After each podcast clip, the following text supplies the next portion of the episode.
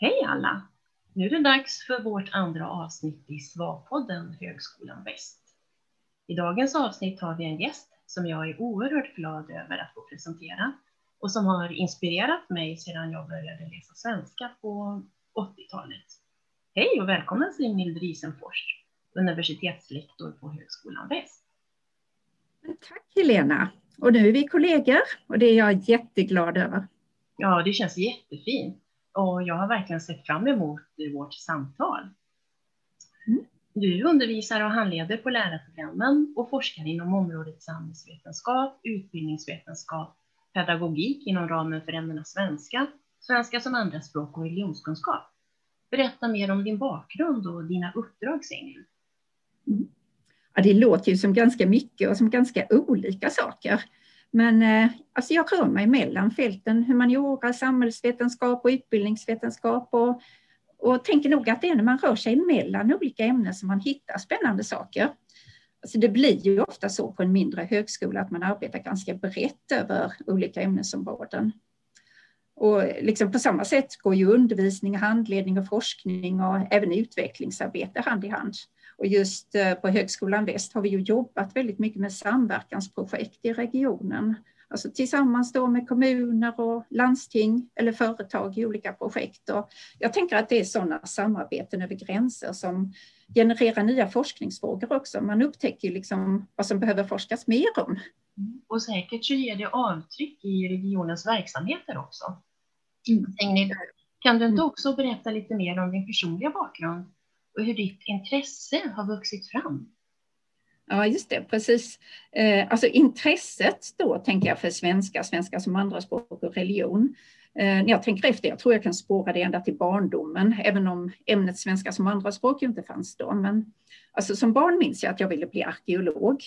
Och jag minns också att jag stod vid utgrävningar precis där jag är uppvuxen och jag liksom fascinerades och även fantiserade över människors vardagsliv och hur det kunde te sig i en annan tidsålder.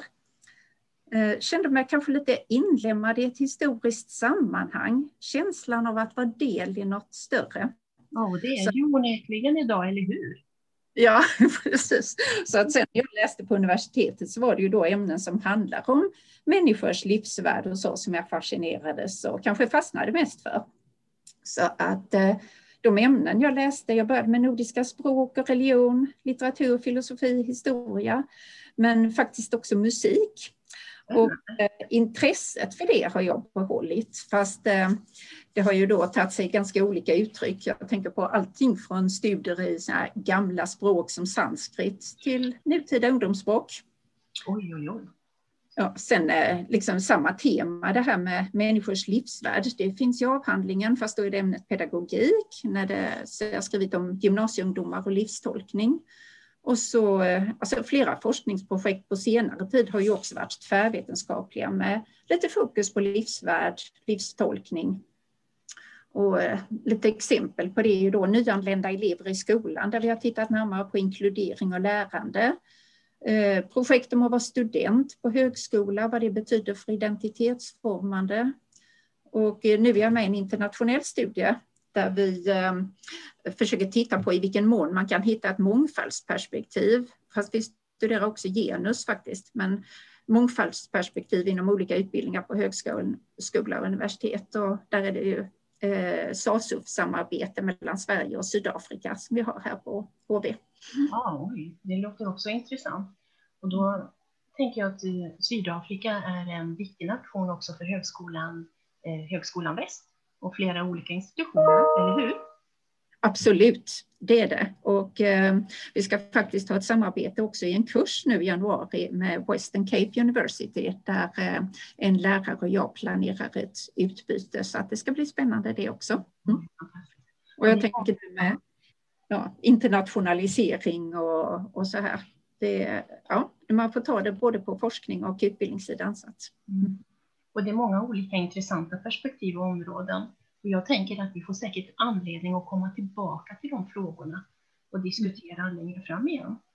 Mm. Eh, du har ju jättemånga olika spännande ämneskombinationer och det visar ju sig i alla dina projekt också att det är sån mångfald och sån bild i det hela. Eh, vilken betydelse har din kombination för din profession, forskningen och så, men också för dig själv som person? Mm, ja, kul att du kommer in på det. Alltså jag har faktiskt funderat över om det är någon skillnad mellan hur mina svensklärarkollegor och jag, då när vi jobbade på komvux, hur vi uppfattade vårt ämne svenska. Alltså var det på samma sätt fast de då hade kombinationer med moderna språk och jag hade religion. Och jag tänker det finns ju forskning på detta också. Alltså det här med lärares ämnessyn beroende på just ämneskombination. Men eh, ja, vi kanske inte ska gå in på det nu.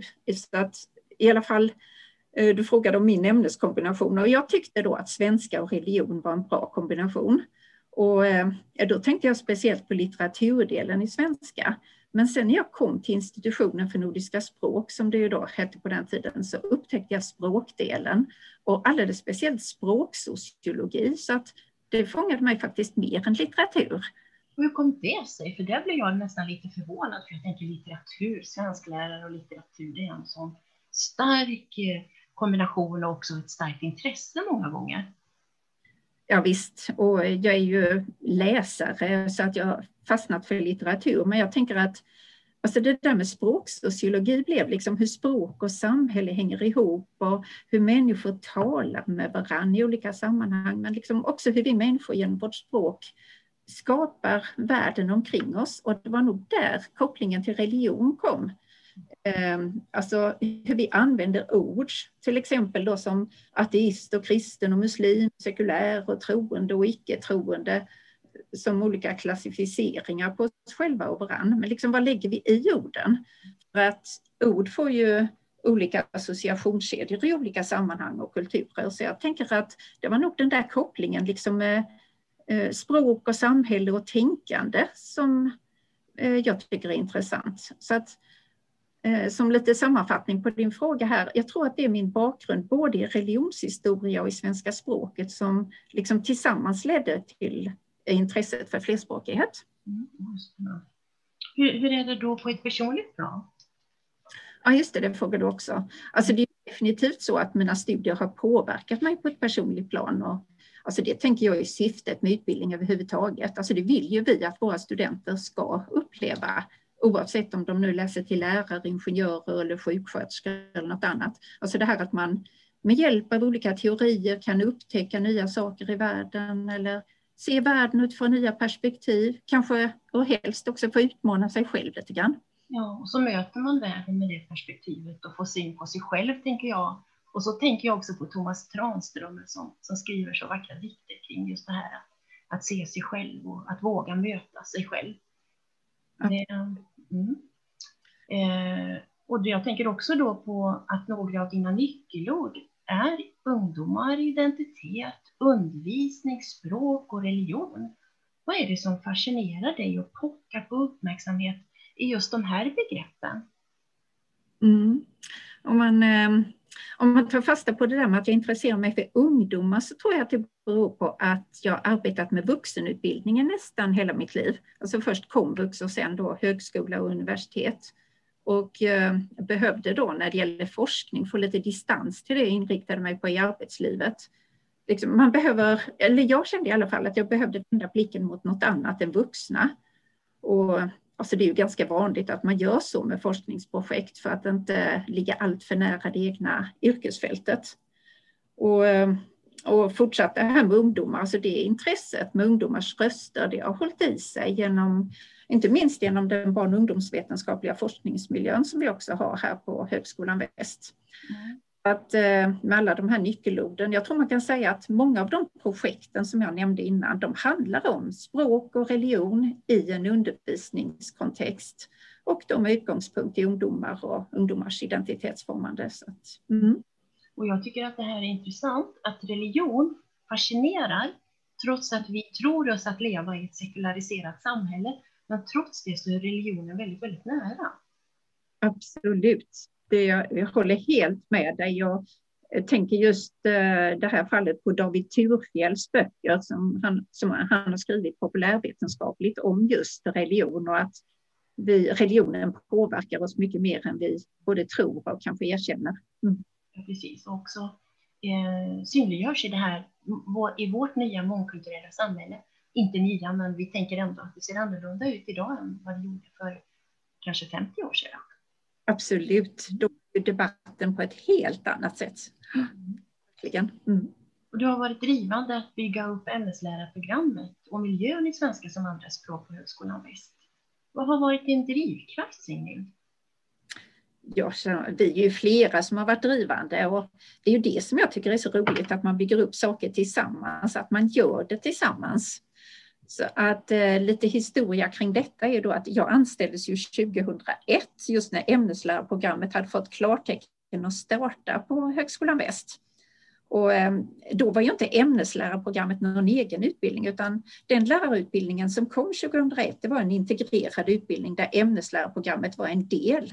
Så att eh, vi var två stycken där, Håkan Jansson och jag, som fick chans att skapa en svensklärarutbildning på HV inom ramen för den delen av lärarutbildningen då, som var riktad mot gymnasiet eller 7-9. Kan man säga, Singhild, att eh, det är ditt skötebarn? Ja, det är skötebarn. Det är, alltså, jag har ju rört mig inom ganska olika fält där med, som vi har pratat om, med pedagogik och svenska språket och religion och annat. Men skötebarnet är kanske mest svenska som andraspråk här får jag säga. Mm. en kombination av mycket som jag tycker är intressant. Men jag tänkte också på den tiden, eh, 2001, alltså då handlade diskussionen mycket om också ifall småhögskolor behövdes. Och det var ju många som menade att vill man bli ämneslärare i den här regionen så får man ju åka till Göteborg eller Karlstad. Och eh, visst finns det en sanning i det. Man kan ju tycka att det är svårt att bygga upp en tillräckligt hög kompetens i, i, eh, i alla ämnesområden på högskolor och att det behövs större universitet till det. Och eh, det var ju inte heller lika många lärare hos oss som i Göteborg och Karlstad och visst är det sårbart och i början var det ju också en del lärare från Göteborg som fick åka upp till HTU som det hette då, alltså Högskolan Trollhättan-Uddevalla och ha undervisning. Men sen eh, ja, så eh, startade vi ju en ämneslärarutbildning och att det verkligen behövdes, det blev jag nog varse när vi hade startat. Och eh, jag kommer att tänka på ett, ett konkret exempel på det här, för jag minns att en av mina första studenter, hon var nyutexaminerad sjuksköterska från Högskolan Väst då, men hade hela tiden velat bli ämneslärare så att då 2001 när utbildningen kom så hoppade hon på direkt. Och eh, så där på min fråga varför hon läste till sjuksköterska fast det var lärare hon ville bli så var det bara, nej men det fanns ju inte. Och när jag frågade vidare om andra studieorter och så, alltså då förstod jag att det var praktiskt omöjligt för henne. Ja, då är det ju omständigheter som hindrar eller möjliggör. Men det handlar också om att våga, eller hur? Att ha modet.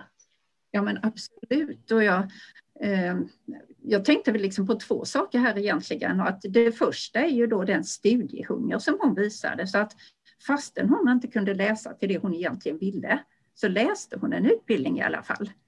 Och, ehm, och det andra som jag tänkte på här nu också då, det är ju att det är inte alla som gör eller kan göra så som hon. Alternativet för många studenter var ju att inte gå någon utbildning alls, så att eh, de försörjde sig som obehöriga lärare och därför blev ju mötet med entusiastiska studenter en drivkraft. Så att, men sen måste jag också säga att det är ju en enorm skillnad på Högskolan Väst då, för 20 år sedan och idag. För att då när jag kom så fanns det tre professorer, eller jag undrar om det inte till och med var så att de professorerna kom året efter. Idag så är det över 60 professorer i alla fall på Högskolan Väst. Och vi har ju en egen forskarutbildning så att liksom det här med att driva fråga, det blir ju också att vara en aktiv del i en anda, liksom om att bygga upp saker, att skapa. Mm. Och det märks ju för att det är en enorm kraft som präglar hela högskolemiljön och vårt campus. Och det händer saker ting hela, hela tiden. Och jag tänker idag på Ville som eh, spikar sin avhandling och det är spännande att få vara i den processen. Att lyssna till eh, vad som händer och sker, texter som ska revideras och ändras. Så det är ju fantastisk miljö. Mm. Vi ses väl där nere vid spikningen? Ja, det tänker jag att vi ska göra. Ja, Absolut. I eftermiddag. Mm. Ja, verkligen. Och, och, när det gäller uppbyggnaden av svar då, Signe? Ska vi mm. tänka, vad tänker du då? Ja, just det, precis. Du frågade om det också. Alltså då får vi förflytta oss till 2014 och eh, svenska som andraspråk svar fanns ju redan då som fristående kurs och på distans. Och det var ju, alltså, och är, ett ämne som verkligen behövdes både då och nu. Men eh, då var vi en grupp lärare som skapade kurser även på ämneslärarprogrammet upp till 120 poäng faktiskt. Så att vi arbetade då 2014 rätt intensivt med en ansökan och vi fick klartecken från UKÄ, Universitetskanslersämbetet. Och ehm, alltså det vi tryckte på i SVAR just på Högskolan Väst då, det var väl tre saker egentligen. För det första att litteraturdelen inte får försummas. Så att eh, den la vi särskild vikt vid med en ganska stor litteraturkurs. Och sen ehm, ville vi att ett forskningsperspektiv skulle prägla hela utbildningen och också utmynna i en särskild kurs om just forskningsperspektiv, svar som forskningsämne. Och sen det tredje var ju också att vi integrerade teori och praktik och det är ju en av högskolans eh, mål med alla utbildningar då, arbetsintegrerat lärande. Menar du att det är unikt för svarutbildningen på HV, just de här tre områdena som ni fokuserade och lyfte fram när ni skapade svarutbildningen? Ja, alltså då tittade ju vi på hur det såg ut på olika universitet. Och eh, jag ville liksom lyfta fram det här som specifikt hos oss. Och, eh, alltså litteraturdelen, den tyckte vi var ganska försummad, men viktig. Och eh, det här med forskningsperspektiv, det fick vi också lite extra beröm för på UKÄ, liksom att vi ville ha det perspektivet eh, just genom hela utbildningen. Och det betyder ju inte att andra inte har det. Men eh, eh, det var väl liksom det vi lyfte fram specifikt just då när vi skapade kurserna. Och det börjar ju bli en del år sedan nu. Men ja, sen var det väl det också, man tänker, du frågar om visioner och sånt. Och här var det ju återigen att vi hade en gemensam vision, liksom att bygga upp något tillsammans som man sen delar och arbetar vidare med och som nya arbetskamrater kommer in i och utvecklar vidare. Så att eh, det som vi startade då, eh, det har ju både fortsatt men också utvecklats i lite nya riktningar och det är sånt jag gillar. Ja, vad härligt och det känner jag att vi är en del i vårt stora svagäng som blir fler och fler. Och det är ju fantastiskt också att vi får chans ja, det är. Helt fantastiskt, jag instämmer. Mm, ja, verkligen. ibland så talar du om visionen om att vara västkustens Södertörn. Vad innebär det? Och behöver västkusten ett eget Södertörn? Precis. Och, alltså jag minns inte vem det var som myntade uttrycket på HV, men Eh, tanken var ju att i likhet med Södertörn då var en högskola med fokus på mångfald och lite mångfald i vid mening. Så att Södertörn har ju en mångkulturell och tvärvetenskaplig profil. Och eh, Pirjo Lahtenperä som var Sveriges första professor i pedagogik med interkulturell inriktning var just på Södertörn. Och, eh, på Södertörn har man i många år haft lärarutbildning med interkulturell inriktning. Så att, eh, och, eh, alltså det finns likheter mellan HB och Södertörn för att precis som där så är ju vårt område väldigt mångkulturellt. Ett exempel på det är eh, ja, kontaktnät, samarbeten med Sveriges största asylboende som ligger på Resta gård i Vänersborg, alltså grannkommunen till oss här i Trollhättan. Men det är ju bara ett exempel. Mm. Och sen eh, tänker jag också att vi på HV, vi har ju en väldigt stark interkulturell kompetens själva. Och lite exempel på det då att dels så har vi en centrumbildning på HV som heter Mångfaldscentrum där man arbetar med forskning och utvecklingsprojekt. Och sen har vi MIL-gruppen där vi ju är med båda två. Migration, interkulturalitet och lärande. Och eh, det är ju en, en av arbets och forskningsgrupperna inom barn och ungdomsvetenskapliga forskningsmiljön. Och så får vi inte glömma att vi själva är en stor grupp, svenska som andraspråk, där vi har mycket interkulturell kompetens. Att, men sen tänker jag ju också att man ska inte göra exakt samma sak som Södertörn. Både Södertörn och HV ändras ju kontinuerligt. Så att jag tänker att det viktiga är ju att vi bygger upp en interkulturell, interkulturell kompetens som passar just oss. Mm, absolut. Mm. Vad, vad, kan det bero på, tror du, att eh, just HV har den här starka interkulturella kompetensen och har ett intresse av det mångkulturella? Beror det på regionens struktur och sammansättning eller är det andra faktorer? Ja, men det är väl en faktor. Sen är det ju klart att om eh, personer med interkulturellt intresse och kompetens samlas så ger det ju mer smak. Mm. Och, eh, eh, för andra också som kanske har intresset men inte hade utvecklat det om det inte hade funnits en, en plattform för det, tänker jag. Så att här är det väl återigen det här att man inspirerar varandra. Mm. Och genom samarbetsprojekt både med regionen och inom högskolan, att någon tar ett initiativ och andra är intresserade och hakar på. Mm. Ja. Och sen blir det diskussioner kring det hela. Och mm. då tänker jag, om jag kopplar tillbaka då till eh, ämnet svenska som andra språk och eh, att det från början, ända från start, har varit ett, ehm, ett ämne under diskussion och fått arbeta så väldigt hårt för sin existens och status för att eh, visa att det här är ett ämne eh, med egen kursplan. Vad är det i ämnet som gör det så väldigt kontroversiellt och provocerande, tror du? Ja, alltså att läsa svenska som andraspråk, det är ju en helt annan sak än att läsa svenska som främmande språk. Om man tar svenska som andraspråk, det läser man ju i en miljö där svenska är huvudspråket, alltså det språk som de flesta människor kommunicerar på runt omkring en. Men eh, läsa ett främmande språk, det är ju något annat då. Alltså då lär man sig språk i en miljö där språket inte talas runt omkring. Alltså skolspråken då i svenska skolan. Och sen det där du pratar om eh, att hävda sin existens. Alltså å ena sidan kan man ju säga att ämnet eh, Eh, har ett oerhört existensberättigande. Det är ju jätteviktigt för elever och kursdeltagare som har andra modersmål att lära sig svenska som ett andraspråk, alltså då tillägna sig svenska för att använda det i det samhället man lever. Så att själva lärandet då handlar ju om att utnyttja sin språkliga repertoar i det lärandet.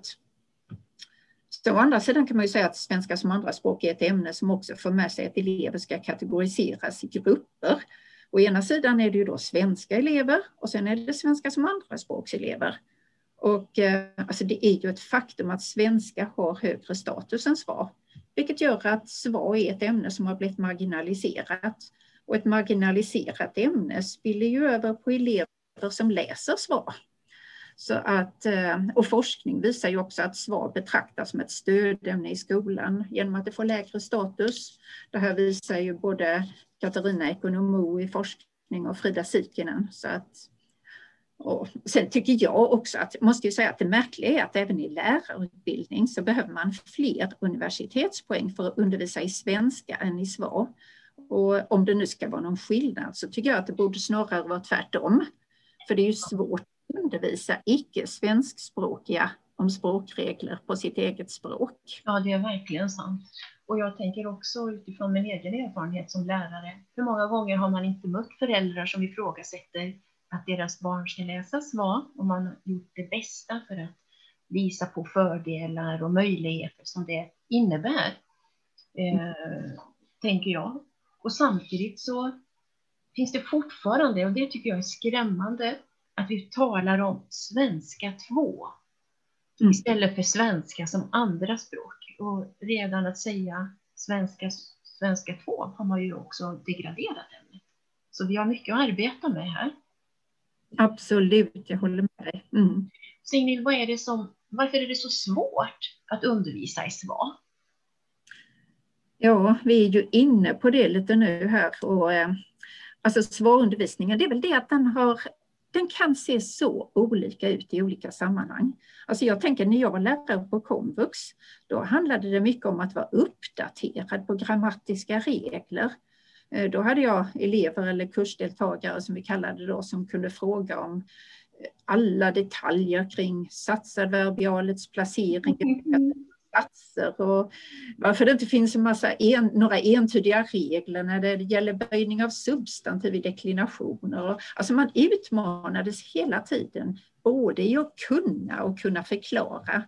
Men ehm, sen var vi ju inne på andra svårigheter och jag tänker att svårigheterna kan ju precis lika gärna handla om då att motivera och inspirera elever som lever i väldigt svåra livssituationer. Så att Alltså jag tänker att svallärare har kunskaper inom ett väldigt brett spektrum. Ja, jag håller med dig verkligen.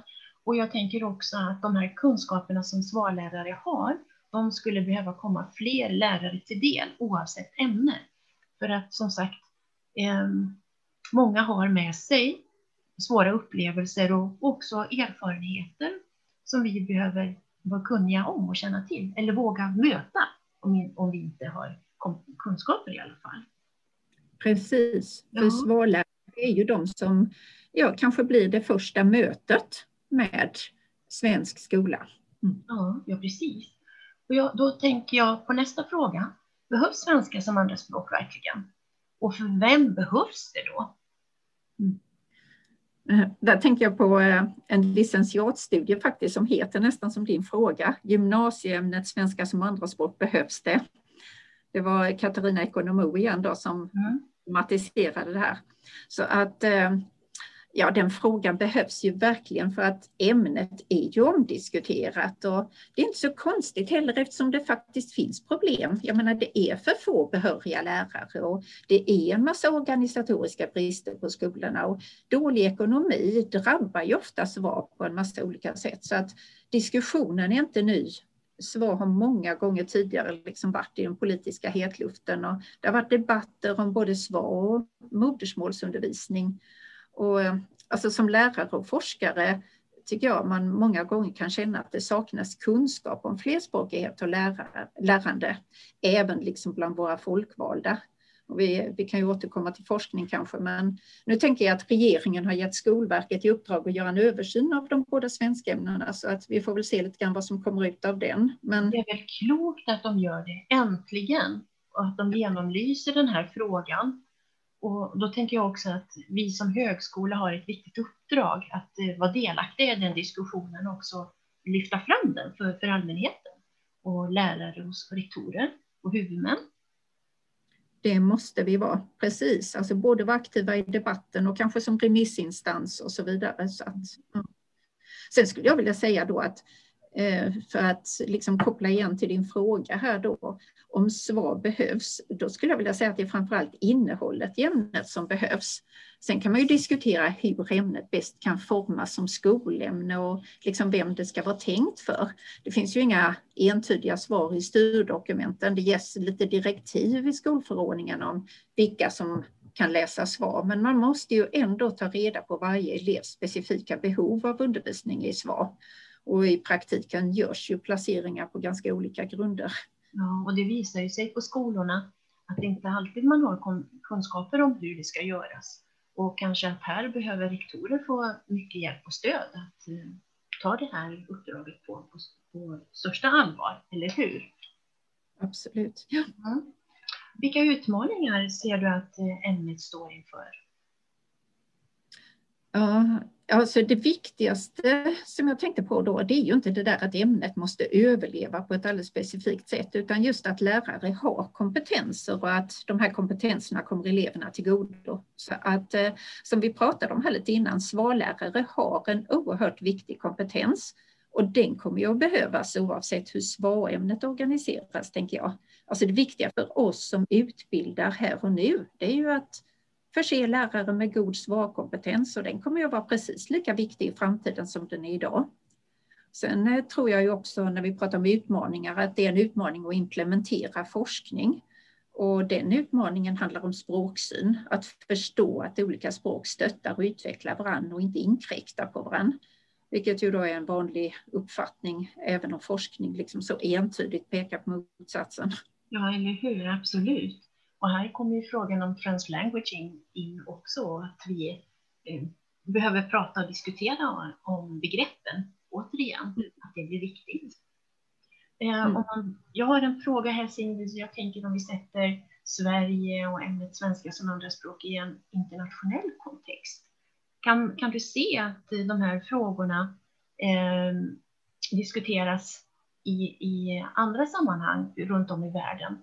Eller är det som så att det här är en jättestor fråga så vi ska spara den och diskutera det till ett annat tillfälle? Ja, men det, det är ju en jättestor fråga. Ja, jag tror vi behöver ett eget program om det. Faktiskt. ja, då sparar vi den. Ja, det kanske blir för långt att ta upp allt idag så att eh, det, det tar vi till ett tema. Mm. Ja, det gör vi absolut. Och då så, då tänker jag så här, vilken roll spelar högskolevärlden och forskningen för ämnets fortsatta eh, existens? Vi pratade tidigare om forskningens roll. Mm.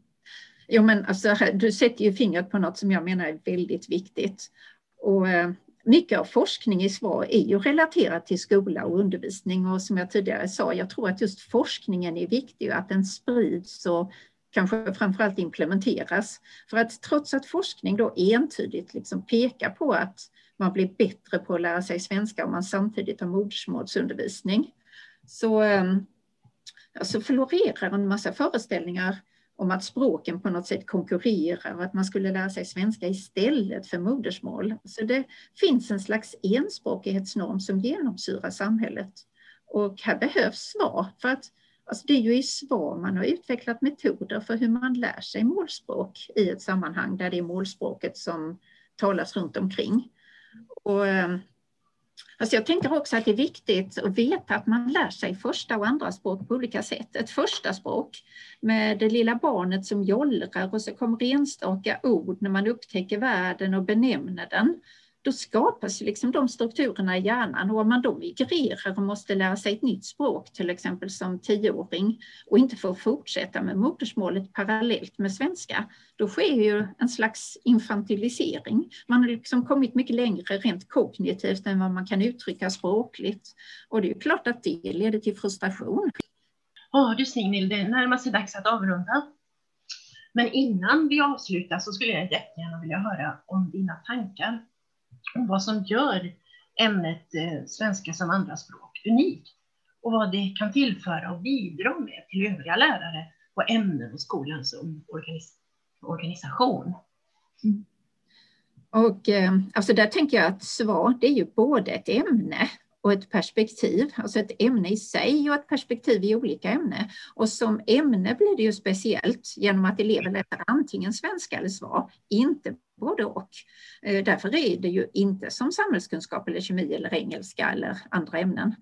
Men, eh, och som perspektiv så handlar det ju då om kunskap och liksom att tillgodogöra sig ett ämnesinnehåll utifrån ett flerspråkighetsperspektiv. Och här handlar det mycket om arbetssättet, att anlägga språkutvecklande arbetssätt på sin ämnesundervisning. Och just här ligger ju SVAR långt framme när det gäller språkutvecklande arbetsmetoder och det här är ju något som alla elever har nytta av, liksom att utveckla språk i relation till ämnesundervisning.